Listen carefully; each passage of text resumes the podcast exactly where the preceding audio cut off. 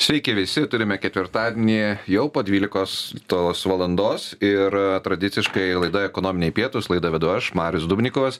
Ir šiandien su manim dar vienas įdomus pašnekovas, tai yra Darius Antonaitis, kurį tikriausiai žinote kaip karybos ir e, gynybos ekspertą. Tačiau šiandien daugiau kalbėsime apie jo kitą pusę, tai yra inovatoriaus ir UAB Ostara vadovo pusę. Kodėl pasikviečiau e, Dariau? Dėl to, kad visų pirma man patraukė traukia e, dėmesys e, be abejo iš komentarų apie karą, kai buvo. Tai yra gebėjimas e, sausai ir aiškiai paaiškinti, kas vyksta ir kur nereikia kelti emocijų, tikrai buvo įspūdingas. Bet vėliau pasižiūrėjus į paties verslo eigą, jinai dar pasirodė įdomesnė. Tai prieš pradedant pokalbį, aš tik tai klausytojams noriu informuoti, kad pokalbis yra gyvas ir A, tikrai galite užduoti klausimą per žinių radio programėlę, mes e, turime čia ekraną, planšetę ir e, matydami tos klausimus atsakysime. Tai pirmas klausimas visiems, kuriuos užduodu. Kaip dariau jūs daėjote iki, iki, iki inovatoriaus, kuris na, ruošiasi kurti a, karybos keturačius? Sveiki, tai tai inovatoriškumas turbūt atėjo iš fantastinių filmų, nes e, fantast fantastiniai filmai, fantastinės knygos, apskritai svajonės tam tikros, nu, vis tiek gyveni tokiam iliuzijų pasauliu, kur pats susikūrė, bet dienos pabaigoje pagalvoji, nu, kodėlgi tau ir pačiam nepamatyti, kiek tu gali svajoti, nu, svajotis, svajonės reikia pildyti, o ne tik tai ten svajoti, tuščiai dar kažkas. Tai, tai čia vienas dalykas buvo, kad, nu, kitas tai aišku, tai buvo iš praktinės patirties. Kai 16 metų tarnavau kariuomenėje, prieš 13 metų išėjau iš kariuomenės, tai ir tas dalyvavimas ir misijose Irake ir Afganistane, kada tu matai, kad tau kažko tai trūksta realiai ir tu gali tai padaryti arba sukurti, tai dar tarnaudamas kariuomenė jau tai čia buvo prieš 13 metų, jau tada galvojau, kad bepiločiai tai būtų labai geras dalykas, bet e, kariuomenės labai inertiškai inertiškos, todėl aš pagalvojau vietoj to, kad laukti kažko, tai tiesiog išeik ir padaryk, ką tu galvoji. Nereikia čia sėdėti nuolat ir skustis, kad kažkas tai kažką tai nesupranta tavęs. Turi svajonę, turi idėją, eik ir įgyvenink ją. Kompanija Ostara. Ką jūs gaminate? Aš aišku jau žinau nes pabrauzinau ir mane tai irgi patraukė dėmesį bet manau kad e, žmonės apie tai turėtų irgi išgirsti. Šiai dienai tai mes daugiau investuojam tai investavom mes į hibridinės pavaros kūrimą e, kūrimas užtruko virš penkių metų ir dienos išdavoje mes turime dabar hibridinį elektrodizelinį e, visureigį, kuris gali būti valdomas kaip žmogaus, taip distanciniu būdu ir su dalinė autonomija, toks buvo mūsų tikslas. Tai yra jis tylus, jis savarankiškas ir praktiškai jis labai netoli yra prie kiberorganizmo, kaip iš fantastinio filmo. Nors atrodo taip pat yra paros, ratai, rėmas, vairas, tačiau realiai jis yra prikimštas mūsų išvystytų technologijų. Na tai yra labai ilgalaikis toks projektas buvo ir labai technologiškai toks kompleksiškas ir mokslinio pagrindo vystomas, o tam, kad e, patenkinti kažkokias e, pajamas arba atsirastų kažkokia apyvarta įmonė, na, negalėtų nuolat investuoti, vis tiek tu valgai turi iš kažko, tai, mes šalia to vystyti kiti pradėjom įvairias priekabas. Tai viena priekaba tai buvo trochuse tai yra išlankstomas kemperis kuris skirtas bekelei tai čia buvau islandijoj nuostabioj saloje saloje nuostabioje. Ir pastebėjau kad turistai arba nuomojasi autobusus milžiniškus važiuoti bekeliai arba palapinėse gyvena nes ten realiai islandijoj yra vienas kelias. Kiti keliai nelabai įvažiuot gali be keturių ratų varomų. Tai aš pagalvojau vietoj to kad tau visą būstą imti arba kad palapinėje šalti, kodėl tu negali su, su kemperiu nuvažiuoti. Aišku, kemperis didelis, kalnuosi įsulūž, tai padarom jį išlankstomą. Kitas dalykas pagalvojau, na ką man reikalingas tualetas, dušas ir virtuvės komplektas tenai. Juk viską, ko man reikia gamtoje, šiltai pernakvoti. Nes visą dieną aš kažkur tai haikinu, aš kažkur tai ten plaukiu su baidarė. Na tai ir viskas viską ko man reikia šiltai saugiai pernakvoti ir vat mes ir sukūrėm ir tą priekabos prototipą dabar mes jau link gamybos einam jos tai va taip ir dirbam galvojam į priekį investuojam vystom darom klaidas kažkur tai laimim nes na kaip kitaip pasimokysi kaip ne iš klaidų nes tiesiog padarei klaidą įsiminei kad daugiau to nedaryk ir judi į priekį. E, man kaip šiek tiek benzingalviui esant, e, grįžkime prie to keturačio. Ta prasme, jūs jį pilnai lietu, lietuvių, lietuvių rankomis yra sukurtas, ar tai yra kažkokios komponentės ir iš komponenčių dėliojate tą daiktą visą? Jis sukurtas visiškai Lietuvoje. 100 procentų lietuviškas produktas. Aišku, kalbėti, kad mes gaminom dizelinį variklį Lietuvoje, tai tai nesąmonė, taip pat ir elektrinius motorus mes negaminam. Pats integravimas, inžinieringas, netgi dizainas, viskas yra mūsų pačių sukurta. Programinė įranga rašoma, baterijų valdymo sistemos ir panašiai. Tai, ką Lietuvoje galima buvo, mes darėm Lietuvoje, tai ko neįmanoma Lietuvoje, kaip ir minėjau, elektros motorai arba, arba dizelinis variklis be abejo, kad perki. Mhm. Nes kad ir tas pas Volkswagen Golf ar Passatas ar kita mašina, gamykla kiekvieno varžto nedrožia pas save gamykloje, vis tiek tu kažkur tai perki ir tu žiūri, na, ekonominė logika turi būti kažko tai savo veikloje. Ar toks keturatis, keturatis yra teisinga šį vardą? Mes planavom padaryti keturačių, nes keturatis tai yra lengva, greita priemonė važiuoti, tačiau vienas iš, viena iš išmoktų pamokų, kad dizelinis hybridinis bagis jis negali būti lengvas. nes, pavyzdžiui, pas mus vien tik tai baterijos sveria pusę tonos. Mhm. Dizelinis variklis sveria beveik 400 kg.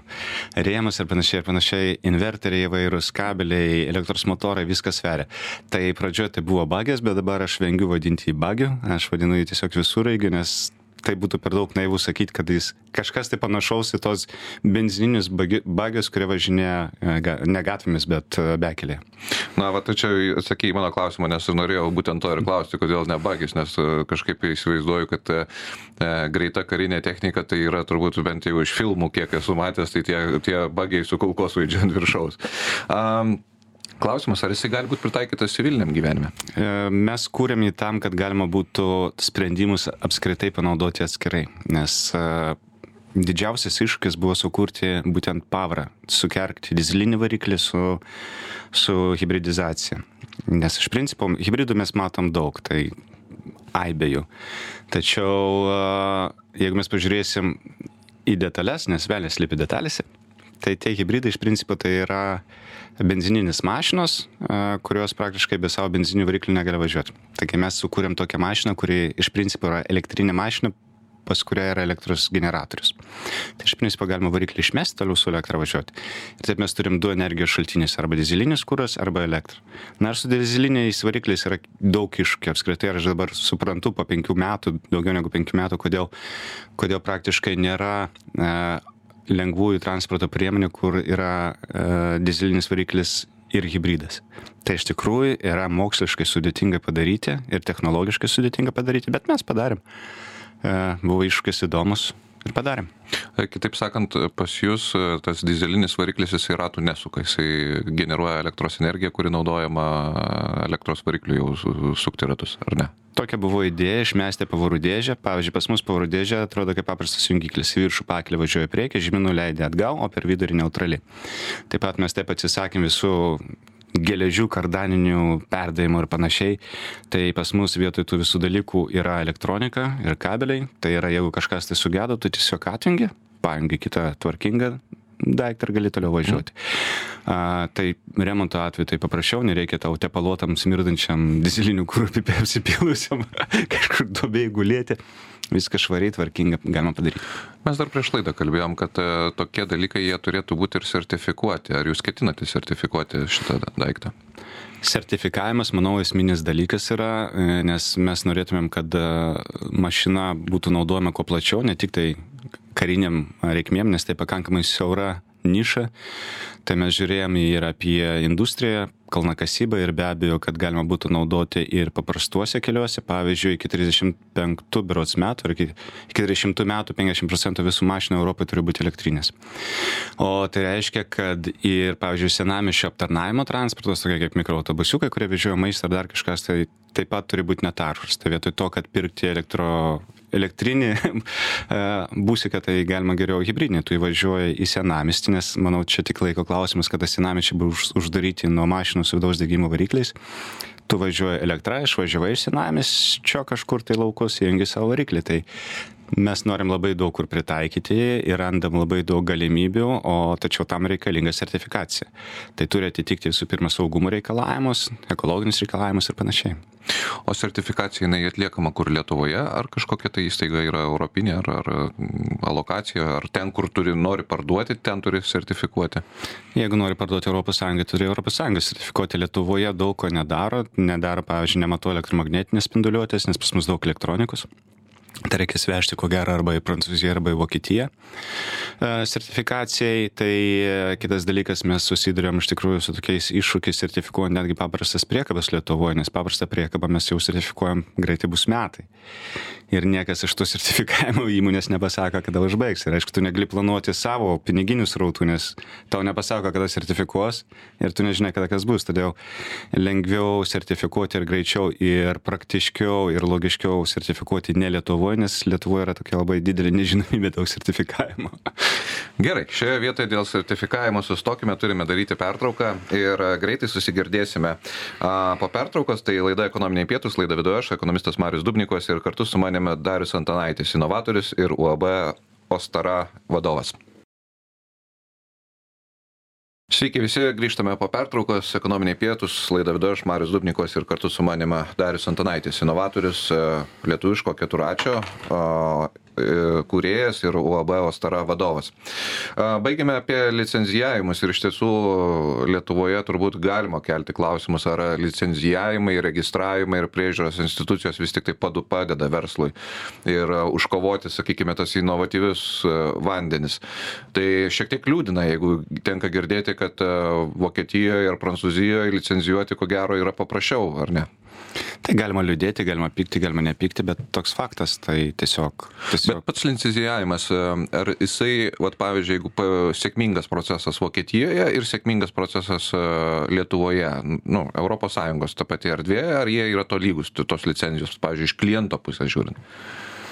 Visų pirma, Lietuvoje viso licenzijavimo arba sertifikavimo proceso padaryti neįmanoma. Na tai tai vietoj to kad gabalais kažką tai daryt gabalą čia lietuvoj gabalą tenai tai geriau tiesiog e, ramia galva atiduoti į vokietijos sertifikavimą kur žmonės dirba ilgai tą darbą kur sertifikuoja nuolat kurie išmano kurie gali pasakyti tiksliai kas kiek kainuoja ir per kiek jie padarys tą laiką. Tai ta nežinomybė galbūt ten ir brangiau būtų bet ta tas nežinomybės kaina ta yra labai svarbi. Tai kada tu žinai kada tu gali planuoti savo finansinius srautus kada tu gali pradėti reklamą kada tu gali pradėti pardavimus tai žymiai svarbiau negu kad tu pigiau, bet nežinau, kada padarysiu. Supratau. Turime klausytojų klausimų, tai vėlgi primenu, kad galima užduoti klausimus, tas laidai yra gyvai per žinių radio programėlėme, jūs galite juos atsiųsti. Tai klausytojas rašo, kiek užtruks vieno automobilio surinkimas? Čia yra geras klausimas, nes viskas priklauso nuo tikimo grandinių, nes pavyzdžiui, jeigu mes užsakom bateriją, tai baterija atkeliauja maždaug per 3-4 mėnesius, elektros motorai, variklis irgi 3-4 mėnesiai, tai aš drįšiau teikti net ne vieno, bet kalbėkim pavyzdžiui apie uh, automobilių paketą, nes na, ne, nedarysi taip, kaip manufaktūrai vieną padaryti, tada sėdai prie kitą daryti, tada prie trečio. Tai aš sakyčiau taip, koks ten bebūtų pūlas, vėlgi priklausomai nuo darbo ranką, aš drįšiau teikti, kad vieną mašiną pagaminti užtruktų tarp 6 ir 8 mėnesių, su sąlyga, jeigu vėl nebus nutrauktas logistinės grandinės. O kaip dabar su logistiniam grandinėm, jos atsistatė, ar, ar vėl vis dar yra išlieka problemų su dalių tiekimu? Mes mažiau su tuo dabar susidurėm, nes pavyzdžiui per COVID tai mums vieną kabelę tiekė 24 mėnesius, bet taip ir nepateikė. Tai dabar aš manau, kad atsistato, dabar daugiau yra klausimų, kaip pritaikyti jų produktą būtent mūsų produktui, vis tiek vystimas, R&D vyksta. Tai kažkaip tai visas tas sunku, nesunku yra lyginamojo charakteristika. Tai mhm. palyginti su to, kas buvo per COVID ir taip pat po COVID, dabar yra žymiai lengviau. Markas rašo, prašau pagaminti lietuvišką tanką arba bent jau IFV. Be problemų, be problemų. Jeigu yra paklausa, tai bus ir pasiūla. Tai galim ir lietuvišką tanką pagaminti. Viešoje erdvėje mačiau, kad jūs išeinate į kitą etapą su UAB Ostara, kad na, iš tiesų pritraukinėsite kapitalą ir tą gamybą paleisite. Tai vienas klausytojas, Valdas, rašo, nuo kokio dydžio investicijas priimsite. Taip, mes iš tikrųjų išvystėm vienos įmonės pagrindų visą technologiją, tam, tai yra maitinam tą visą technologiją ir dabar mes pasiekėm tokį lygį, kada jau galim pritraukti investuotojus. Tai yra parodyti, kad iš tikrųjų čia ne oro burbulai, ne, ne kažkokie tai tenai svajonės, ne, ne, ne, ne debesų darytojai mes, bet iš tikrųjų yra produktas, kuriam iki komercializacijos liko labai nedaug. Ir mes ieškom ne tik tai pinigų, ar investicijų, mums galbūt netgi dar svarbiau tai yra patirtis. Tai yra gamybinė patirtis, finansų valdymo patirtis, nes, na, pinigai yra gerai, nu, tvarkoja, tačiau didžiausia pridėtinė vertė tai yra žinios, nes, pavyzdžiui, mes neturime uh, patirties, kaip dėkti lin standartus, tai yra vat, būtent automobilių gamybos. Uh, mes neturim patirties, tarkim, kažkokio tai logistinio aprūpinimo, kada yra didesnis užsakymas, pavyzdžiui, 300 mašinų užsakytų. Tai vat, piniginiai srautai svarbus, tačiau aš drįšiau teikti, kad dar svarbiau yra mums būtent stambios įmonės, kurios turi patirtį visą tai daryti. Mhm. Šokame šiek tiek atgal. Prieš Krampusą dar buvo inovacijų kažkokių pas jumis, kuriuos kūrėte?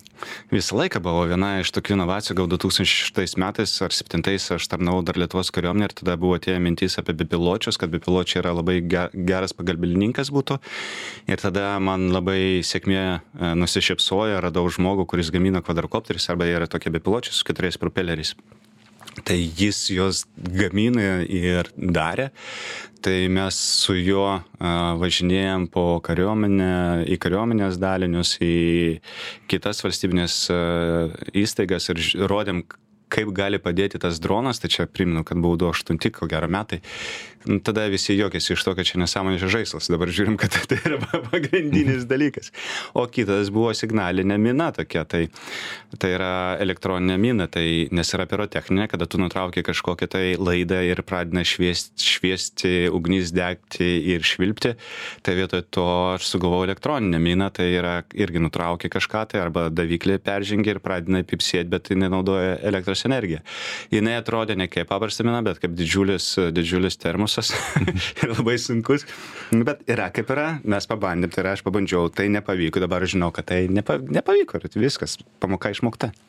Tai kitaip sakant, jaunimą tikrai skatintumėt e, eiti savo keliu ir atidarinėti savo verslus ir inovacijas, dėkti, bandyti išvystyti. O kas gali būti blogiausiai? Blogiausiai, kad aš sėdėsiu nuo 8 iki 5 vakaro nuobodžiam ofise, žiūrėsiu per dulkėtą stiklą ir krapštysiu nosį. Nu, kažkam tai gal ir to reikia. Jeigu tu kažką tai darai, bandai, tu bent turi 50 procentų sėkmės. Jeigu tu nieko nedarai, tai 100 procentų nesėkmės. Tai aišku, reikia bandyti, aišku, reikia rizikuoti, aišku, reikia ieškoti inovacijos, aišku, reikia daryti, o nesėdėti ir kniaukti, koks visas pasaulis blogas, man nesiseka. Ne pasaulis blogas, tu nevykėlis esi.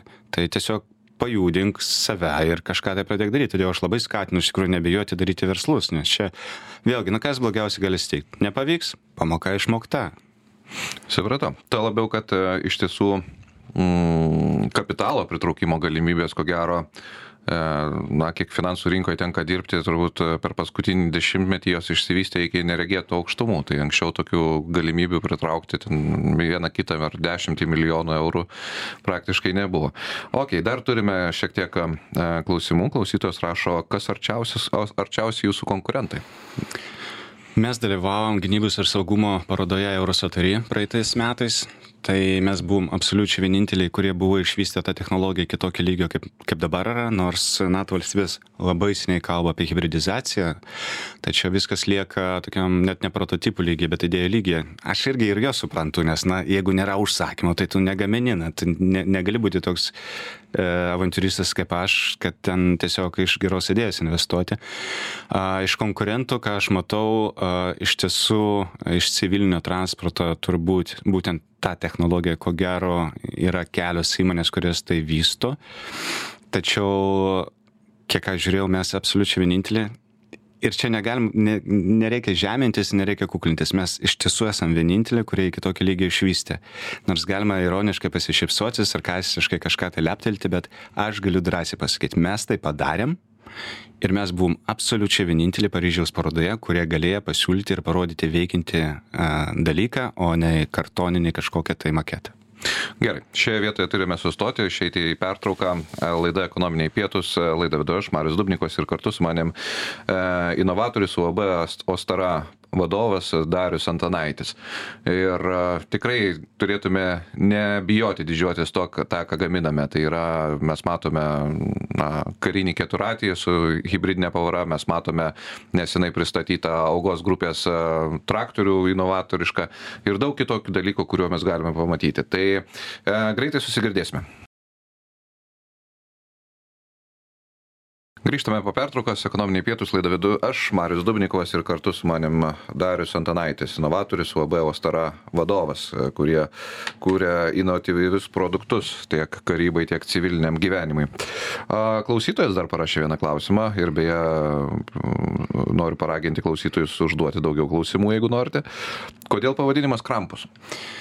Nes mes orientavomės į Europos rinką, į, į tas turtingas šalis, kur, kur vyksta tokias programas, o Krampus yra Bavarijos, mit, Bavarijos mitinė būtybė ir kurie atpažįsta būtent žmonės, kurie gyvena Skandinavijoje, kurie gyvena Vokietijoje, Austrijoje gyvena netgi ir Amerika, kurie gyvena, irgi atpažįsta tą vardą ir įsidėmė jį, nes Krampus tai tokia mistinė būtybė, kuri ateina prieš Kalėdų senį arba Šventą Mykolą E, beros gruodžio penktą dieną ir baudžia blogus žmonės. Tai vat, tas krampus ir buvo visų pirma dėl to, kad tai asocijuojasi žmonėms arba jie greitai įsimena tai, o antras dalykas, kad mūsų uh, visureigis jis yra tylus, tu jo negali išgirsti, nepastebėti, jis yra be žmogaus, tai reiškia, tu negali jo sunaikinti arba žmogaus negali sunaikinti ir jis vis tiek surastas blogiečius ir juos nubaus. Dar klausimas, kokie naujausi inžinieriniai iššūkiai lau, dabar yra sprendžiami arba laukia jūsų? Dabar mes gaminame antrą krampusą, Ir jeigu pirmas kampusas tai buvo mums platforma išvystyti hybridinę pavarą, tai dabar milžiniškas iš tikrųjų inžinierinis iššūkis yra na, su antrų kampusu, nes jis bus žymiai didesnis. Tai pagal dabartinis skaičiavimas jis viršys 4 tonas. E, vien variklis svers virš 600 kg, e, tai, tai bus monstras, tai bus tikras monstras, e, kurio mes apskaičiavom, kad jis galėtų e, nuvažiuoti tylos režime arba vien elektrą, kada jo ratas yra nugrimzęs 300 cm į birų smėlį.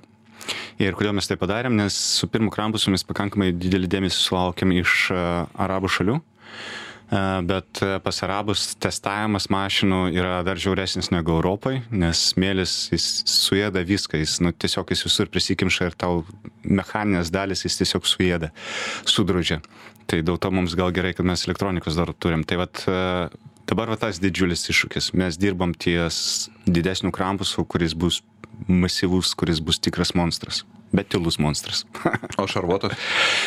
Dėl šarvavimo, tai kam reikia šarvuoti, jeigu ten nėra žmogaus, nes jeigu mm. apie karinę techniką mes kalbam, tai visą laiką yra vertinami trys kriterijai - tai yra mobilumas, ugnis galia ir pravažumas. Tai mobilumas, ugnis galia ir apsauga, atsiprašau. Tai apsauga tai reiškia tu turi apsaugoti žmogų, reiškia, tu turi dėti šarvą, tu dėdi šarvą, mašina sunkėja, mašina sunkėja, mažėja pravažumas. Mažėja pravažumas ir jinai sunkiai, tu negali didelį kalibrą dėti ir uh, ugnies uh, paramos. Todėl mes pažiūrėjome į tą iššūkį iš kitos pusės. Tai kaip sako, nėra žmogaus, nėra problemos, tai yra, nu, tai jeigu nėra tenai, tai kam tau saugoti geležį nuo geležies, yra geležimi.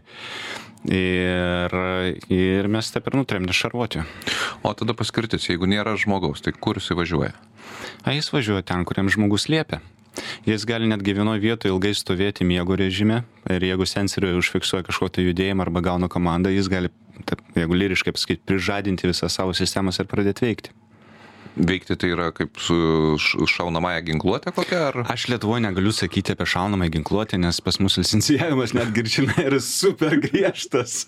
Lietuvos įmonės negali užsiimti tais dalykais. Tai, tai antras krampusas, jis bus skirtas tiesiog platformą ir mes planuojame mums lengviau vėlgi nuvežti tą platformą į Vokietiją arba Austriją, kad tenai būtų sumontuota ginklų sistema ir tada pasiūlyti pirkėjams. Bet Lietuvoje ne, mes Lietuvoje su A kategorijos ginklais nedirbam, nes, nes Lietuvoje pagal Lietuvos įstatymus tai yra tiesiog draudžiama. Ką bedarytum, tai yra tiesiog draudžiama. Taip, ir draudžiama baudžiamojo kodeksu. Labai nemalonių kodeksų. Taip. A, Monika klausė klausimą, kurį buvau užsirašęs ir norėjau paklausti, bet kadangi klausytojai klausė, tai turiu įgarsinti. Kokį automobilį vairuoja pats pašnekovas kiekvieną dieną? Man patinka išskirtiniai automobiliai ir man patinka klasikinė tikra klasika, tai jeigu tai pasižiūrėjęs, tikros klasikos yra tokios kaip Volkswagen Vabalas arba Fiat 500 ir panašus, tačiau kažkaip tai man nei Vabalas, Vabalas beje jau nebegaminamas, Fiatas 500 gal ne. tai vienas iš tokių klasikinių automobilių, tai man labai sužavėjo Jeep Wrangler. Tai, tai yra ir sąryšys arba sąskambis su, su, su karyba, nes jis pasirodė 41 metais, antrą pasaulinio karo metu ir jis iš tikrųjų padarė tokią pervesimą tam tikrą visureigiuose ir amerikiečiai plačiai naudoja. Tai taip, aš dabar vairuoju Wranglerį ir man patinka iš tikrųjų didelė gale ir geras pravažumas, kada to reikia, tačiau taip yra, kad aš vairuoju hybridinį, nes kitokį negalėjau įsigyti Lietuvoje. Ta prasme, nėra hybrid, apart hybridinės kitos pavaros? Man labai patinka gale. Nuspaudė ir viskas kriokia reikia ir aš galiu, turiu galius rezervą. Apskritai man kažko tai rezervą reikia turėti nuolat kažkokią. Tai aš labai norėjau labai galingą benzininį variklį gauti, tačiau, kiek supratau, Europoje draudžiama pardavinėti Wranglerius arba apskritai mašinas iš Amerikos su galingais varikliais, todėl pas mane tiesiog kuklus 2 litrų variklis ir, ir baterija taip pat kukli. ar namuose turite elektros, e, sakykime, gamybos pajėgumus, kurie užkrauna šitą džipą? Namuose neturiu darbetorių, bet turiu pripažinti, aš netikiu elektromobiliais. Aš manau, kad tai yra tiesiog burbulas. Ir jeigu mes pažiūrėsim dabar, kai dirbam daug su elektromobiliais ir kada sako, tai ekologinė transporto priemonė, tai tas žmogus arba neišmano, arba meluoja. Turbūt labiau taršesnio transporto negu elektromobiliai nėra tam, kad išgauti medžiagas baterijai, tai yra be proto reikia resursus naudoti, tam, kad perdirbti ją dar daugiau, man atrodo, net, dar neperdirbimas tos baterijos. Tai aš renkuosi būtent tokius sprendimus hybridinius ne dėl to, kad aš saugosiu kažkokią nykstančią rūšių, rūšį ten šitų drugelių kažkokių ar dar kažką tai, o dėl to, kad tai vartotojas gauna papildomas galimybės, kurias iki tol neturėjo. Mhm na tai dabar jau įsivaizduoju žaibų gausime labai stipriai už tą elektromobilių perspektyvos nubraukimą. Bet e, iš tiesų abejonių kelia ir ypatingai jeigu pavyzdžiui pasižiūrėtume į e, žaliosios energetikos plėtrą ir vis didėjančias diskusijas apie tai kad e, na gali būti kad turėsime vandenilio daug kuris bus kaip sandėliavimas būtent žaliosios energetikos nes ją pagaminus kažkur reikia susandėliuot ir pasiimti iš iš iš iš talpyklos kada tada kada reikia reikia. Gali būti, kad vis tik tai tie labai maži vienetai automobilių, kurie yra dabar dar turbūt tokie tyriamojo dalyje, tai yra e, varomi vandeniliu, jie gali būti būtent tos elektromobilius ir keisti. Vandenilis iš tikrųjų, manau, yra ateities. Aišku, problema su jo išgavimu, labai daug energijos reikia sunaudoti, kad išgauti. Kitas dalykas, vandenilis turi ypatingai mažą molekulę, todėl jį sulaikyti kažko talpo yra sudėtinga, jis prasiskiria pro visur. Prisiminkime vaikų gimtadienius, kada yra tie na, ten su heliu užpildyti ir kaip greitai jie blūkšta. Tai, bet aš manau taip, vandenilis tai yra ateitis ir netgi kai mes svarstėm su pirmu krampusu, galvom netgi apie vandenilio variklį kažką tai, bet po to sueinam. Pavyzdžiui, Dakarė buvo sunkvežimis vandenilio variklių, tai visoje prieka buvo užpildyta viena puslė, kur ten buvo vandenilis, nu, tai irgi nu, turi būti logika kažkokia, tai kažkoks pagristumas, racionalumas. Negali vien emocijoms vadovautis. Taip pat elektromobiliai, nu, tai galima žaibai švaistytis, tačiau reikia pripažinti, elektromobiliai pas mus dabar vystosi ne dėl to, kad tai yra žaliau, geriau, o dėl to, kad Eilunas Maskas su savo Tesla padarė rinkai ir kiti įsivertina, kad yra pirkėjai, tai yra atsirado paklausa. Tai, tai vėlgi verslas dirba ne taip, kad geros idėjos principų išsaugokim nykstančią rūšį, sveikia yra paklausa, bus ir pasiūla.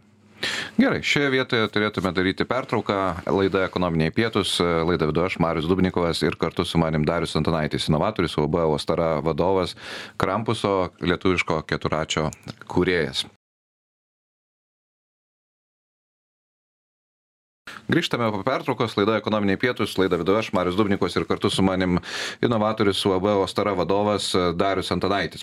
Um, turėjome tokią rimtą sesiją apie inovacijas, apie, apie verslą Lietuvoje, apie licenzijavimą ir kilančias problemas. Mm, šiek tiek į kitą pusę noriu pasukti. Vis tik tai ruošiantis laidai paties e, Facebooko puslapį narpliojau, ten buvo daug ginkluotės, įvairių, įvairių raketų ir visų kitų dalykų, bet man užkliuvo kitas dalykas, pats turi tokia kaip pabėgimo sodyba, ar kaip ją pavadinti? Pabėgimo kambarys. Kambarys. pabėgimo kambarys, tai iš jo reikia pabėgti, turbūt pasi... ten įbėgti, turbūt aš taip suprantu. Reikia gal Nirvanos solistą, kad jeigu esi paranoikas, tai nereiškia, kad tave niekas nenori nužudyti. Tai...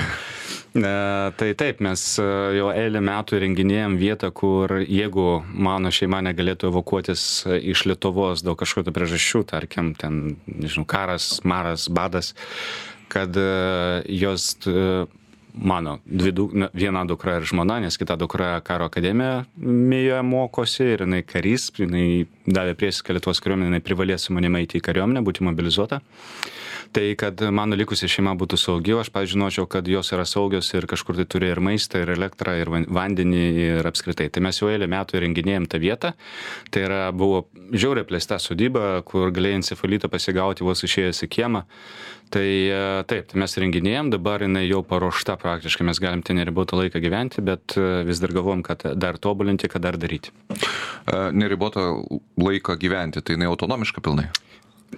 Iš principo galim pasakyti, kad dar taip, nes e, kad būtų maistas, tai aš iškasiau sodžalką, kad būtų vanduo, taip kad būtų maistas, aš užvisiau ten pakankamai daug žuvies, kurie yra, tai yra baltymų šaltinis. Jeigu jau ten ilgiau negu metus, tai aišku, kadangi sodyba tai yra žemės, jeigu yra žemės, tai gali pasodinti kažką tai. A, daug šildymo irgi pakankamai daug yra galimybių, nes aplinkui miškas ir iš principo ten galima taip, galima neribotą laiką gyventi kaip Robinsono Crusoe ar Tarzanai kokie. Ir tai aišku nėra prie didmešio tai toli nuo didmiesčių visų, tai toli nuo e, magistralinių kelių, tai toli nuo industrijos objektų. Iš principo tai yra viduryje nieko. Jeigu žmogus norėtų pirkti sodybą toje vietoje, jis tai pažiūrėtų ją visiškai paskutinė vieta, nes aplinkui pelkės. Tai jokių pušynų, ežerų nėra, tai visiškai nepritraukia dėmesio. Paminėjai, kad dukra davė priesaiką, aš kiek skaičiau pats esi taip pat ne pirmos kartos jau karininkas, tai čia bus tre, trečia ar ketvirta karta? Čia bus trečia, ketvirta. Nebus jau, nu, tai yra. Nebus, dar bus, kaip karys jinai trečios kartos, bet kaip karininkė jinai irgi bus tik tai trečios kartos, taip. Ar e, pas mane buvo e, laidoje įvairių profesijų žmonės ir e, kai išgirstu apie kartas, aš klausiu tokį visą laiką tradicinį klausimą. Ar iš kartos į kartą perdodamas žinios sukuria pridėtinę vertę? Tai perdodamos žinios, kaip ir perdodamas turtas, netgi galbūt žinios yra dar vertingesnis negu turtas. Tai pridėtinė vertė yra ta, kad tu padedi savo vaikui išvengti galimų klaidų, kurias tu jau esi padaręs. O jeigu jis nedaro tų klaidų, kurių tu esi padaręs, tai reiškia, jis gali vystytis greičiau ir toliau negu tu vystaisi. Evoliucija. Tai vaikai visą laiką turi būti protingesni ir geresni už tėvus, ne dėl to, kad tiesiog vaikai yra protingesni, bet dėl to, kad tėvai turi įdėkti jiems savo empiriką, kad vaikai bent jau kažką tai kažkokių tai klaidų nedarytų, kur pats darėjai. Supratau. Dar klausimas. Teko internetuose ar interneto platybėse skaityti, kad kažkada tai teko pačiam rinktis ir netgi kunigystės kelią. Taip, aš Lietuvoje radau 88 metais, tai, tai, tai lietuviškai blogai kalbėjau, rašyti iš vis nemokėjau ir skaityti. Tai įstojau į Vilniaus mokyklą lietuvių namai tokiems kaip aš, lietuvių, lietuviams, kurie atvyko iš užsienio. Na ir ten kaip internatas nu tiesiog gyveni nu pagal internato taisykles ir pasimuši ir vienas pagyveni ir nepavalgai kažką tai.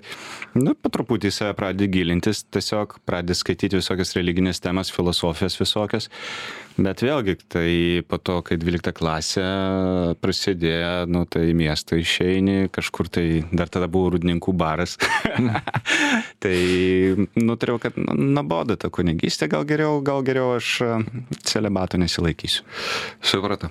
Tai tada iš tos pačios dar serijos vis tiktai esi karo ir gynybos ekspertas.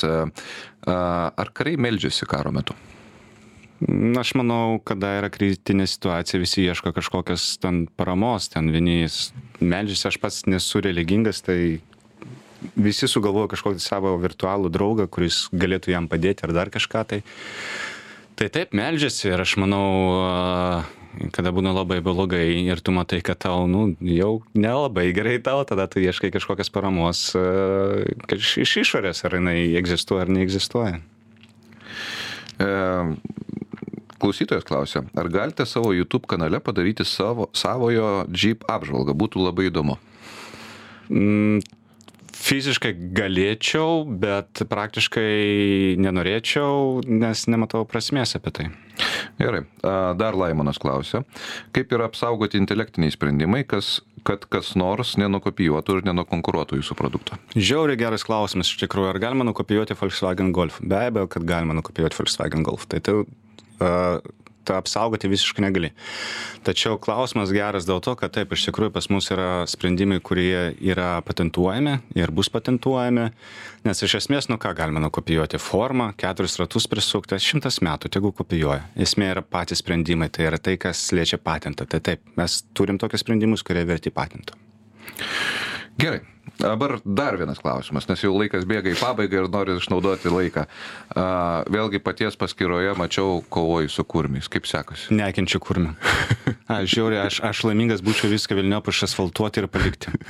Tai yra beprotybė, kuri gadina mano žaliapjėves. Tai dabar, pavyzdžiui, kai vasara, tai aišku, lygini tas kurmerausius, bet lieka tokie pliemai negražus ir tu nieko negali padaryti. O dabar išlaukiau žiemos, kada jie sušalo ir aš tiesiog kaip tas karvės brydus paimu ir išmetu juos. Ir kas yra keli pliusai. Pirma, nelieka to bjauraus žemės pliemo. Antras, aš atidengiu gražiai būtent landas kurmiui ir pas mane gyvena lapių šeima tenai ir dar pelėdos atskrenda. Ir aš tik tikras, kad ir šeškų yra. Tai kurmis jis iš principo, nu, jis nieko nemato, tai jis nežino, ar yra viršuje, ar nėra prielangai, jis gali išlysti ir tada lapės, kurioms beje aš kas kartą atvežu kiaušinių padedu, kad pavalgytų, pamaitintų savo šeimą. Ir taip lapės bei pelėdos ir šeškai gali išgaudyti mano kurmis. Tai gamta prieš gamtą reikia supriešinti. Supratau. Nes tą pačią problemą turiu savo sklype ir čia šią vasarą bandžiau kariauti, bet e, matau, kad pava pavasarį, šią žiemą dabar, kai žiema šiek tiek atšilus, jie vėl pradėjo kelti galvas. Tai reiškia, ta, ta kova bus, bus be galo, be krašto. Na, liko pusantros minutės, tai e, vienas klausimas vis tiek nesusilaikysiu, nors kalbėjom, kad nekalbėsim apie karą ir karybą, bet e, mm, du klausimai. Vienas klausimas trumpas. Ar pats analizuodamas žiūri e, priešo propagandą? Niekada. Kariuomenė aš buvau atsakingas už prieš propagandą stebėjimą ir tu norom nenorom tampi toks. Tai yra, jeigu rusų propagandą žiūri, tu tampi vėl, tu, grįžti namo visas, atsiprašant už leksikoną, užsigrūzinės, tu grįžti pasišlištėjęs visas, nes tu turi žiūrėti tas bukus jų jokelius visokius. Tai dabar aš nei rusų kalbą neskaitau, nei propagandą nežiūriu, nes kitas dalykas tai mane atmuša nuo mano loginio mąstymo. Jeigu aš kažką tai klausau kitų arba žiūriu kitus, tai jie paveikia mano loginį mąstymą, jeigu paveikia loginį mąstymą, tada aš ne savo galva galvoju, kitų galva. Ir paskutinis trumpas klausimas, vis daugiau kalbame apie kažkokį tai didelį, didelį mūšį Ukrainoje ir, ir dabar žiūrint vien tai statistiką, vėl nežino, kiek tenais galima ją pasitikėti, bet skaičiai labai stipriai didėja. Paties nuomonė, ar tas mūšis jau prasidėjo, ar dar čia kažko mes laukiam? Tai vėlgi viskas sueina į paprastus dalykus, į kurmis. Į kurmis. tai yra, ar žemė tinkama kariauti ar netinkama kariauti, kas iš to, kad Putinas pasakė fas. Nu ir kas toliau? Tu nuleidi savo 42 tonų tanką į purvyną ir ką jis daro? Jis stringa. A, tu kariams neišdavė šiltų rūbų, ir ką jie daro? Jie miršta jie sušąla. Ta prasme vėlgi taip aišku pasakė kažkas tai turės kažką tai ten atidirbti už kažkokį tai ordiną ar ar ten nežinau padėkos medalį ar popierių kažkokį tai aišku jie kažką tai darys. Tačiau manau didysis mūšis bus tada kada bus patogu daryt didįjį mūšį. Tai yra bus žolė bus e, medžiai už kurio tu gali pasislėpti užsimaskuot kada bus e, žemė pradžiūvusi ir sunki technika gali važiuoti. Nes šiuo metu tai labai apriboja technikos judėjimą būtent gruntas būtent oro sąlygos. Gerai. Ačiū už e, dalyvavimą. E, ekonominiai pietus e, laidą vedžiau aš, ekonomistas Marius Dubnikovas ir kartu su manim buvo Darius Antonaitis, inovatorius UAB Lostaro vadovas, kuris, na, sukūrė unikalų projektą Keturatį Krampus, kuris, na, sulaukė dėmesio iš, iš užsienio investuotojų ir tikėkime, kad tai bus nuostabi istorija. Tai ačiū Dariu, kad atėjai pas mane. Dėkui, kad kviečiate.